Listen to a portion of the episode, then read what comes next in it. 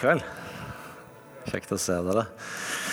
Fortsatt, selv om det begynner å ha gått noen uker nå, litt sånn eh, klype seg i armen, glede over å være sammen. Og få være i samme sal som dere og feire gudstjeneste igjen. Så utrolig flott å se dere her i kveld. Eh, og fint å få tilbe sammen og gi til Kambodsja sammen. Tusen takk for gaven dere har gitt. Fortsatt også veldig rart å ikke bare kunne mingle rundt og komme nær dere alle og prate og på den måten vi helst liker å gjøre det, men vi er på vei i hvert fall mot å eh, kunne være mer sammen, og det er veldig bra. For du som er på besøk eller er ny, så heter jeg Glelling, er en del av pastorteamet her i huset og eh, skal dele litt fra Bibelen i kveld. Eh, så før jeg begynner på det, la oss be litt sammen, og så skal vi se hva det blir. Jesus, takk for at du er her. Takk for at du vil oss godt. Takk for at du både kaller oss til hvile og til etterfølgelse.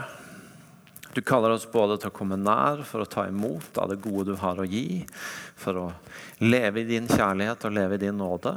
Og så kaller du oss også til oppbrudd, til vekst, til omvendelse.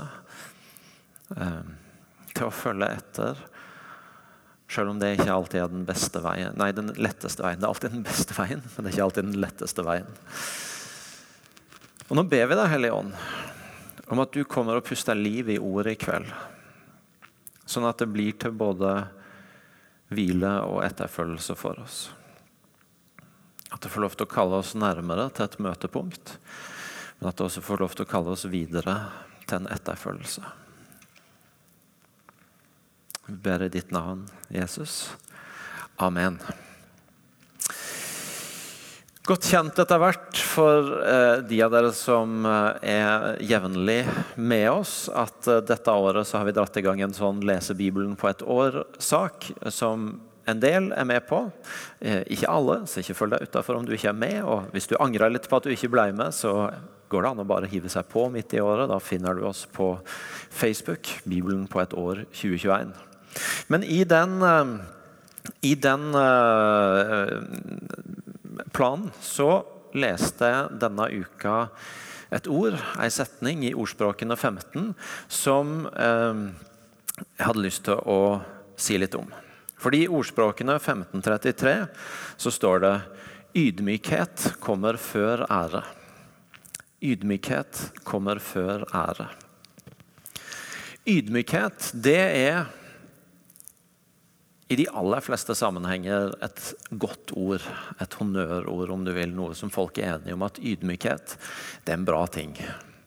Det kan være noen som kan tenke at ydmykhet bare i lengda blir litt kjedelig, eller at det er litt oppskrytt, men jeg tror i de fleste sammenhenger så vil en være enig om at ydmykhet det, det er en verdi en, en, en setter pris på. Og litt enkelt sagt så kan en gjerne si det sånn at uh, suksess kan imponere, men ydmykhet er ofte det som gjør at en over tid vinner tillit og trygghet. Jeg tror ganske mange av oss som har opplevd at en kan bli imponert av noen, eller en kan synes at noen er fantastisk gøyale, spennende, alt det der. Men det over tid finne en tillit og trygghet, så er ofte ydmykhet i mye større grad en sånn tillitsbygger noe en setter pris på. Jeg tror det gjelder uavhengig av tro, ikke tro, hvilken sammenheng. Det kan hende at vi nordmenn er litt ekstra disponert for å verdsette ydmykhet, sånn som vår kultur er, eh, i forhold til noen andre kulturer. Men jeg tror i utgangspunktet mange vil si ydmykhet det er en bra ting. Og så er det også sånn at i Bibelen så er ydmykhet noe det står om både her og der som noe som Gud setter pris på. I ordspråkene som jeg leste fra nå, så står det flere steder ting à la det jeg leste. At ydmykhet kommer før ære. Eller i kapittel 16 vers 19.: Bedre å være ydmyk med de fattige enn å dele bytte med de stolte. Og i Mika så er det et spennende vers, fordi der der spør profeten hva krever Herren Gud av deg? Bare at du gjør rett, viser trofast kjærlighet og vandrer ydmykt med din Gud. Vandrer ydmykt med din Gud. En del av det Gud spør oss om, av det livet han inviterer oss inn til, det er å gå ydmykt med han. Så ydmykhet, det å gå med ydmykhet i livet, det er noe som er i kjernen av det Gud spør om hos oss. Noe av det han etterspør i våre liv når vi går med Han. Imi-kirka har en visjon som heter at vi vil gjøre verdifulle mennesker til bevisste etterfølgere av Jesus Kristus. Der ligger dette 'følge', 'gå med'. Og eh, Nå skal ikke jeg begynne å omskrive visjonen, men en kunne jo ut fra det verset av og til vurdert å bytte ut ordet 'bevisste', som òg har sin plass, med 'ydmyke'. Vi vil gjøre verdifulle mennesker til ydmyke etterfølgere av Jesus Kristus. Fordi Bibelen holder så tydelig fram at noe av det Gud spør oss om, det er å gå ydmykt med Han. Og så er jo spørsmålet hva, hva er ydmykhet, da? Og jeg, som jeg skal forklare etter hvert, Målet mitt i kveld er ikke primært å definere ydmykhet. Det er ikke primært å gi liksom ei setning på hva ydmykhet er. Og det er for så vidt heller ikke å gi en sånn 1, 2, 3-guide til ydmykhet. Men jeg har lyst til å reflektere litt med dere over dette med å vokse i ydmykhet, eller kanskje være på vei bort fra ydmykhet. Hva er ydmykhet? Ehm, jeg tror at det er ganske mye historie på misforstått ydmykhet. Jeg har snakka med ganske mange og eh, hørte også når vi hadde i denne gruppa vår med bibelleseplan denne uka, flere skrive om hvordan de har opplevd å vokse opp også i kristne sammenhenger med en forståelse av ydmykhet som egentlig minner mer om selvutslettelse. At ydmykhet blei egentlig å tenke lavt om seg sjøl. Å sette seg sjøl lavest mulig. Og at egentlig skjedd, har skjedd en sånn type feilkobling mellom ydmykhet og janteloven, som sier at du skal ikke tro at du er noe. Og Derfor er det heldigvis kommet noen sånne gode sayings inn, som denne av typen at ydmykhet handler ikke så mye om å tenke mindre om deg sjøl som å tenke mer eller større om andre. At det handler ikke primært om å trekke seg sjøl lengst mulig ned, men det handler kanskje om å ikke gjøre seg sjøl så viktig i forhold til de andre du har rundt. Jeg tror at også noen ganger så kan vi bomme når vi tenker på ydmykhet, med å se på ytre ting. Vi kan se på noen som er litt sånn moderat og nøktern og ikke alltid tar for store ord i sin munn. Ikke alltid lager for mye bravado rundt seg og tenker ja, han eller hun er ydmyk. Og så kan vi møte noen som, som gjør litt mer av seg. Det er litt mer større ord, kanskje litt større tall, litt mer armer og bein og, og lyd. Og så er vi ja, vet ikke om han eller hun er så ydmyk. Og så kan det selvfølgelig slumpe til å treffe. Altså det kan være et utslag for noe. Men, men alle det er jo denne sayinga at alle gudsrike ting er hjertesaker. Alt, alt det livet som, som, Gud kaller oss til, og som, og, som, og som, er essensielt i Guds rike, det kommer jo innafra og ut. Og derfor så, derfor så kan vi ikke bare se på personlig stil eller framtoning til noen og så tenker jeg han er sikkert ydmyk, og hun er det sikkert ikke, basert på på hvordan de snakker, eller hvilke ord de bruker, eller hvor mye fakta de gir. Fordi det kommer jo innenfra. Og det kan komme ut på forskjellige måter. Ydmyk, det er noe som er mykt. Og så står det jo som en kontrast i Bibelen, bl.a. i ordspråkene, stolthet fører til fall. Ydmykhet Ydmyk det er, jo, det er jo noe som gjerne mykt, som er formbart. Ikke flytende, men formbart. Mykt nok til å være formbart. Stolthet står gjerne fram som noe som er hardt, og som er mindre formbart. Og Kanskje er det et sånt utgangs, greit utgangspunkt å jobbe fra hvis vi ikke skal definere ydmykhet. Det er at ydmykhet har noe, sånn, noe formbart ved seg. Et ydmykt hjerte har noe formbart ved seg. Det er justerbart, det er formbart. Mens når Bibelen kontrasterer det opp mot stolthet, som fører til fall, så er det noe som er hardere, noe som gjerne er mindre å jobbe med. Fordi det stolte hjertet er hardere. Og så tror jeg det viktigste jeg egentlig har lyst til å si noe om i kveld, det er at ydmykhet er ikke noe noen av oss kan hevde at vi eier. Det er ikke et karaktertrekk som du kan si enten så har du det, eller så har du det ikke. Du kan ikke si jo, jeg, har funnet ut av dette med ydmykhet. Jeg er en ydmyk person. Det er noen som vil si at i det øyeblikket du sier det, så bør du tenke deg om. Men du er heller ikke fri til å si nei, vet du, nå har jeg prøvd den greia med ydmykhet, og det var visst ikke for meg. Det er ikke min greie. altså. Det, det, er nok noen andre som har det trekket. Jeg tror at ydmykhet, mer enn noe du har eller ikke har, så er det noe som til enhver tid er under forming i livet ditt. Det er noe som er under utvikling eller avvikling etter hvilke valg, etter hvilke responser, etter hvordan du velger å gå videre. Fordi vandre ydmykt med Gud det er noe som skjer mens du går, og det er valget du tar underveis. Og jeg vet i mitt eget liv at jeg har hatt situasjoner hvor jeg har respondert på situasjoner på en måte som har fremma ydmykhet. Hvor jeg tror at valget jeg har tatt, har fremma ydmykhet i livet mitt. Og jeg vet definitivt om situasjoner i livet mitt hvor responser og valg jeg har tatt, har fremma stolthet i livet mitt. Ingen av oss kan hevde å eie ydmykhet. Jeg har det. Og ingen av oss kan melde oss av det og si nei, jeg, har det uansett ikke. Men alle av oss er i en prosess, en utvikling, en vandring. Og vi kan ta valg som former oss i retning av ydmykhet eller i retning av stolthet. Og Da blir jo et viktig spørsmål hvordan, hvordan vokser vi i ydmykhet? Hvilke valg er det vi kan ta? Hva er det som, som eventuelt kan være med å fremme ydmykhet i livet vårt? Og Da syns jeg det er spennende å kikke før og etter det verset som jeg leste for dere fra Ordspråkene 15 og tenke litt rundt det. Fordi I ordspråkene 15 like før så står det Den som lytter til rettledning om livet, får plass blant de vise. Den som ikke tar imot formaning, forakter seg sjøl. Den som lar seg vise til rette, kjøper seg innsikt.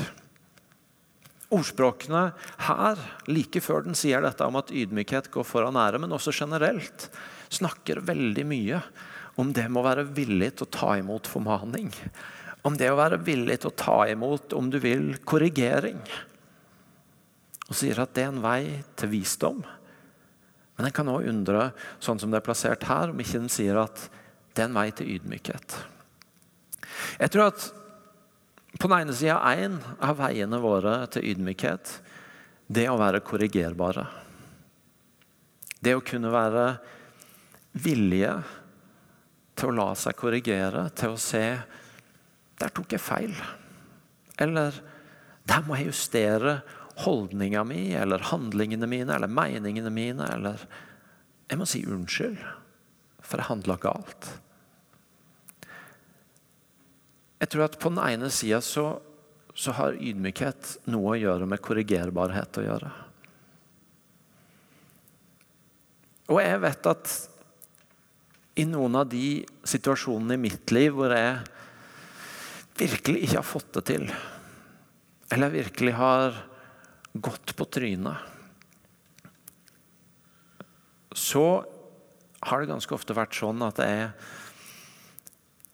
jeg kan, i respons til det sier, jeg gjorde så godt jeg kunne. Eller jeg hadde en veldig god grunn for å gjøre det jeg gjorde.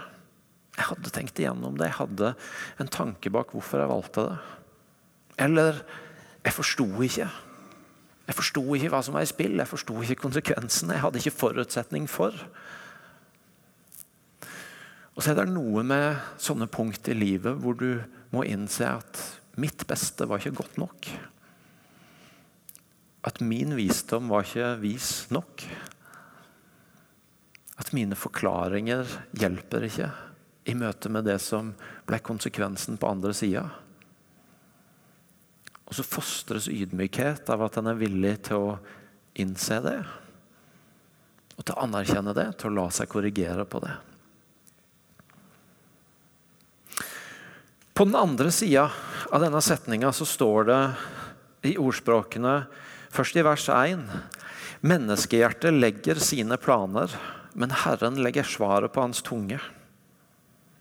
Og Litt seinere står det Legg alt du gjør, i Herrens hånd, så skal dine planer lykkes. Og i vers 9 I hjertet tenker mannen ut sin vei, men det er Herren som styrer skrittene hans. Vers som snakker om å anerkjenne at til syvende og sist så er det Guds vei som er den beste. Til syvende og sist så er det Gud som vet best. Til syvende og sist så er det å gå på Guds vei, det er å velge en overgivelse til Han hvor uavhengig av om det er lett eller vanskelig, så velger jeg å anerkjenne at hans visdom er større enn min visdom. Hans veier er bedre enn mine veier. Så hvis på den ene sida det er noe i det å vokse med ydmykhet som handler om en korrigerbarhet, så er det kanskje på den andre sida av for Gud noe som handler om overgivelse. Om å i gitte situasjoner være villig står, i valg en står, i situasjoner en står, være villig til å si dette er ikke det mest komfortable, det er ikke det jeg kunne tenke meg sjøl, det er ikke det jeg skulle ønske det var. Men jeg anerkjenner at dette er din vei, Gud. Og Derfor så velger jeg å gå den veien. Og igjen, det sa jeg i stad om at å anerkjenne at mitt beste ikke er godt nok, at min visdom ikke er vis nok. I møte med Gud så er du jo helt i kjernen av evangeliet. da, ikke sant? Av å anerkjenne at nei, i møte med Gud så handler det ikke om at jeg er god nok, for det blir jeg uansett aldri. Men jeg er likevel elska. Nei, jeg er ikke vis nok, men jeg får lov til å tilhøre en som har all visdom. Ydmykhet fostres av korrigerbarhet i møte med andre, men også av å være villig til å holde fast på Guds vei i møte med Han. Og Da tror jeg det blir sånn, og det er noe av det som jeg har lyst til å synliggjøre i kveld, det er at det finnes ikke én oppskrift på hva som er å gå ydmykt, ydmyk, og hva som er et ydmykt valg i gitte situasjoner.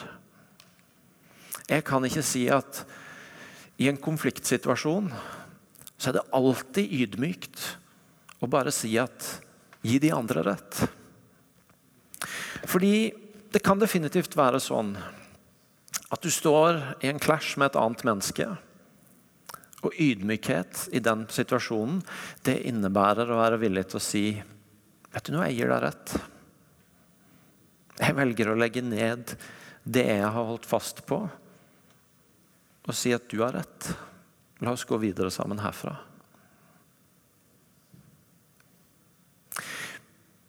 Men det kan jo også være at du står i en konfliktsituasjon hvor ydmykhet er å holde fast på det du veit er rett.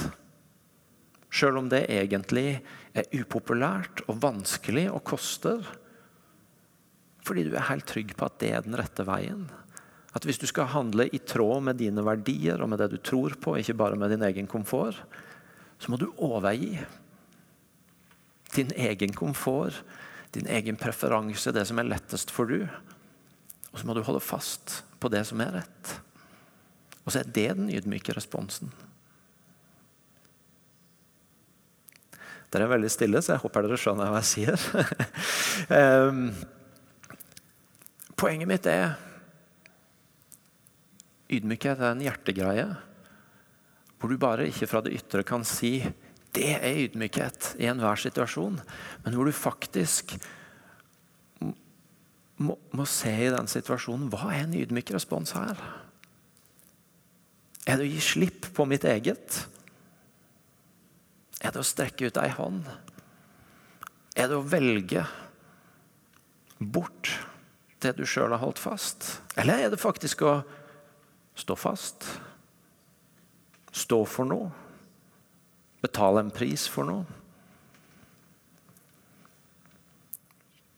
Gå med et ydmykt hjerte igjennom en eller annen vanskelig situasjon. Derfor så tror jeg at vi alle i møte med Hva det nå måtte være som en relevant situasjon for du nå. En konflikt. En situasjon i hjemmet ditt. En kollega du ikke har gått overens med på lenge. det er ikke en konflikt, men det er bare en, en, en, en form for avstandsvåpenhvile. Så må du spørre deg hva er en ydmyk? Hva er det å vandre med ydmykt med Gud i den situasjonen? Hva, hva, slags respons kan jeg gi i denne situasjonen som innebærer å fostre et ydmykt hjerte? Og Jeg tror det jeg har sagt til nå, er på en måte utfordrende for oss alle. Fordi at uh, jeg tror vi alle kjemper med ydmykhet og stolthet. De fleste av oss har, har vår bit av stolthet i hjertet vårt. Jeg har i hvert fall det, for det om jeg har gått med Jesus lenge. Og De fleste av oss anerkjenner også at vi tror den veien Gud kaller oss til, er ydmykhet. Så kan vi bruke det i ulike situasjoner. For å illustrere det jeg har sagt, da, så la meg stikke hånda inn i det som for en del av dere sikkert føles litt som å stikke hånda inn i et vepsebol. Og poenget ikke er egentlig å mene så mye om det, men å bare illustrere det jeg har sagt. For Den siste måneden så har det handla ganske mye i samfunnet vårt om pride om, eh, det, om seksuelle minoriteters rettigheter, om hvordan vi anerkjenner ulike personers eh, valg og verdi og frihet til å gjøre sine valg, osv.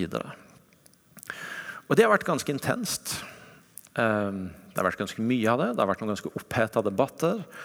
Og det er ganske mange kristne som har opplevd at Oi, hva i all verden skal jeg si eller ikke si her? Hvordan skal jeg forholde meg til dette? Er det beste å bare si og gjøre ingenting og vente på at det går over? Jeg vet ikke hvordan det er med dere, men for meg så har det virka som at intensiteten har gått opp noen hakk i år. Og at det oppleves enda sånn eh, hardere fronter. Og, og, og, mer åpenbart at hvis, hvis du prøver å si noe, så er sjansene ganske store for at det smeller ganske hardt. Og det enkleste er definitivt å bare si og gjøre ingenting. Og så er ikke Poenget mitt i kveld å undervise om seksualitet, og alt det, men jeg må si litt bare om hvor vi som menighet kommer fra i en sånn setting, for å kunne gjøre det poenget som jeg skal gjøre i kveld. Fordi For oss i IMI så tenker vi at det med hvordan vi forvalter seksualiteten vår, det er et disippelskapsspørsmål. Det handler om vår etterfølgelse av Jesus. På den ene sida kan vi gjøre det med seksualitet til et større spørsmål enn det er meint å være. Vi, hvis vi kobler sammen seksualitet og verdi. Vi tror ikke at vår verdi kommer av verken hvordan vi lever, eller hvilken orientering vi har. Vi tror at vår verdi kommer fra Han som har skapt oss, og at Han elsker oss. Sånn at eh, når det blir en kobling mellom seksualitet og verdi, så tror vi at da, da er det spørsmålet gjort for stort. Fordi verdien vår kommer fra et annet sted. Men vi tror òg at hvis hvis det blir litt sånn at er det så farlig, trenger vi å mene noe om det? Trenger vi å si noe om det? Trenger vi å bry oss med det? Da har vi gjort det for lite viktig. Fordi at seksualiteten vår er en viktig del av de vi er. Og det er en del av vår etterfølgelse. Og så er det sånn med oss alle at vi er både skapt verdifulle i Guds bilde, og vi lever under syndefallet med en brutthet. Og Det gjelder også seksualiteten vår. Og Det betyr at uh, vi alle må stille seksualiteten vår et sånn etterfølgelsesspørsmål. et, et, spørsmål i disippelskap er jo hvem er det i ferd med å bli? Hvem er det formes til? Disippelskap er å være i bevegelse, det blir likedanna med Kristus. Og Vi må alle, enten vi er single eller gifte, enten en er 42 år og, og gift, eller en er, eh, er singel eller en er i et avbrutt samliv, eller en har den eller den legninga, så må vi alle spørre hvem er i ferd med å bli? Men hva kaller Jesus meg til i en prosess av å bli likedanna med han? Og der, Den prosessen er vi alle i. Og Derfor er noe av det tristeste når det blir så harde fronter i disse sakene, det er at det så lett blir en sak istedenfor mennesker. At det blir oss og de. Og når det blir oss og de, så tror jeg i forhold til ydmykhet at faren for at ydmykheten ryker, dessverre, er ganske stor. Det er nødt til å være oss. Vi lever alle. Vi henter alle verdien vår fra et annet sted enn seksualiteten vår. Vi lever alle med en brutt seksualitet som kalles til å være i en, eh, til, å være i en, en, en daglig omvendelse. I bevegelse mot det livet Jesus har kalt oss til. Og der er vi på like fot.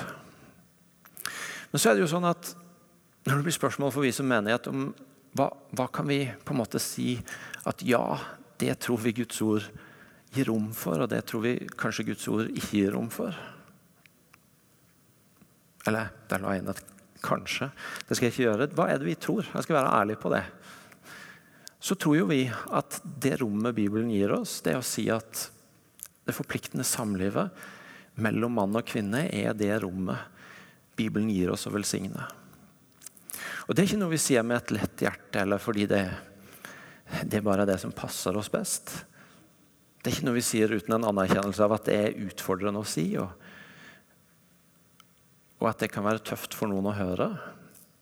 Men det er samtidig noe vi føler vi ikke kan la være å si hvis vi skal være tro mot det trosfundamentet vi har, og det Gud har sagt i sitt ord. Og Det betyr at vi på den ene sida ønsker at denne kirka skal være et sted hvor alle, uavhengig av orientering, livssituasjon og valg, kan høre til. Og kan vite at de er velkomne. Og hvor det også går bra å være en del av for det om du er uenig i eller har tatt annerledes valg. Men samtidig så må vi være ærlige på at det er noen ting som vi ikke kan si ja, det velsigner vi, ja, det tror vi Guds ord gir rom for. Men som vi må si at dette er det vi tror er den veien Guds ord peker oss mot. Og Så er vi tilbake til ydmykhet fra et sånt ståsted. Hva vil det si å, å vandre ydmykt med Gud hvis, hvis, du tror at det er der du skal være? At du skal anerkjenne alle menneskers verdi? Men at det også er det rommet du har for å peke på hva Guds ord sier? Og Da er vi ved poenget at jeg tror ikke det er ett svar på det. Jeg tror ikke det er en fasit på hvordan det ser ut å vandre ydmykt med Gud i den situasjonen som vi har sett den siste måneden, og med et sånt fundament. Jeg tror at for noen så er en ydmyk respons å velge å komme nær noen mennesker som lever annerledes, mener annerledes, tenker annerledes, har et annerledes utgangspunkt enn en sjøl. Å velge å være der, lytte, prøve å forstå, være i relasjon. Ta valg som gjør at en kanskje blir misforstått. Ta valg som gjør at kanskje de du er enig med, begynner å lure på hva, hva skjer. Fordi at det er viktigere for deg at det handler om mennesker, og det er viktigere for deg å komme nær mennesker og lytte til mennesker, enn å bli forstått rett i alle sammenhenger. Men jeg tror også at en ydmyk respons kan være å rekke opp handa og si eh, Vent litt. Det er noen av oss som tenker litt annerledes her enn det alle andre stemmene sier. Det er noen av oss som tror at det går an å tenke noen nyanserte tanker om dette uten at det er hatprat, eller uten at, at du snakker ned menneskers verdi. Og hvor det å velge å gjøre det ikke er stolthet, ikke er hardhet, ikke er noe sånt, men det er egentlig en ydmyk respons fordi at det koster, det er ikke det mest komfortable, det er ikke det du har lyst til, men det er likevel å velge å stå for noe du tror er Guds vei. Og Kanskje er det til og med sånn at hvis du, hvis du er mest dratt mot den ene av de to alternativene, så er det mest ydmyke av deg å gjøre det andre. Poenget mitt er å gå ydmykt med Gud, enten vi nå mener sånn eller sånn, har ikke én oppskrift. Men det kan for noen være å gå nær mennesker og krysse linjer og velge å søke å forstå den som tenker og tror og lever annerledes. Og det kan noen ganger være å stå for å heve stemmen og velge å mene noe. Og så er jeg fullt klar over at når jeg velger å stikke handa mitt inn i den saken, så kan det godt hende at noen av dere blir sinte på meg. Noen av dere syns jeg har vært altfor veik, veik og burde meint mye tydeligere og sterkere enn det jeg har gjort. Og noen av dere er helt uenig med meg og blir opprørt. Og det er helt greit. Dere får lov til å være sinte på meg. Jeg har bare ett krav. Og det er at du sjekker ditt eget hjerte også. I møte med det jeg akkurat har snakka om. Om hvor kommer det fra? Og hvordan ser det ut til eventuelt møte den uenigheten med en ydmyk respons?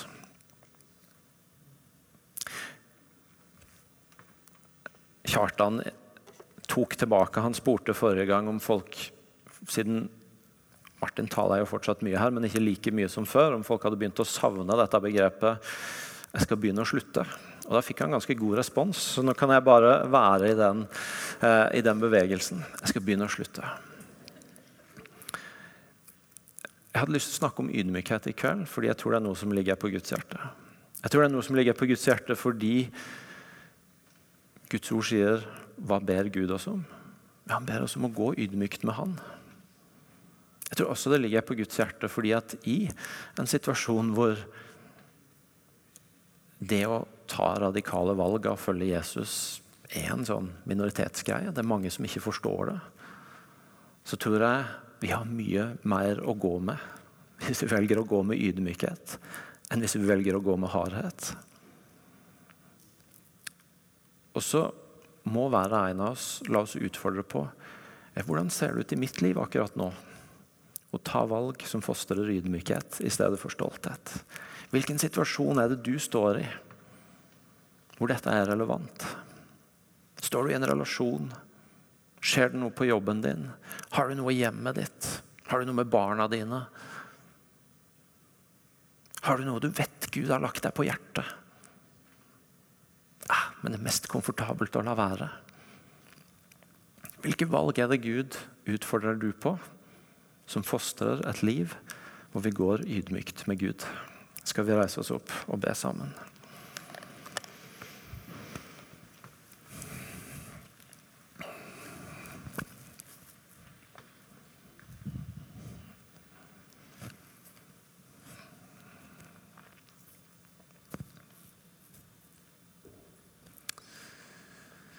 Takk, far, for at du kaller oss til et liv i ydmykhet.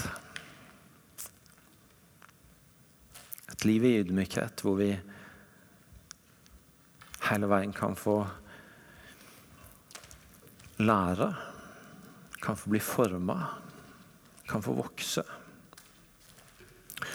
Og et liv hvor vi slipper å leve under byrden av å tenke at vi alltid veit best. Men vi kan få tro at både det å la seg korrigere av andre og det å overgi seg til den veien du kaller oss til, far, er en bedre vei for oss. Så nå har jeg lyst til å invitere deg, Hellige Ånd, til å komme og tale til den enkelte her inne om hvilke valg og situasjoner som kan fostre ydmykhet akkurat nå. Hvilke relasjoner, hvilke saker en står i. Og en kan få lov til å ta valg som fostrer ydmykhet. Og så vet vi at selv om det noen ganger koster Noen ganger koster å bli korrigert, det noen ganger koster å legge til side sitt eget for å overgi seg til du. Så sier du, Jesus, at den smale veien er veien til livet. Den veien du kaller oss på, er noen ganger mer krevende, men det er veien til livet. Led oss på den, Jesus. Led oss på den. La oss få gå på den. La oss få gå ydmykt på den. Amen.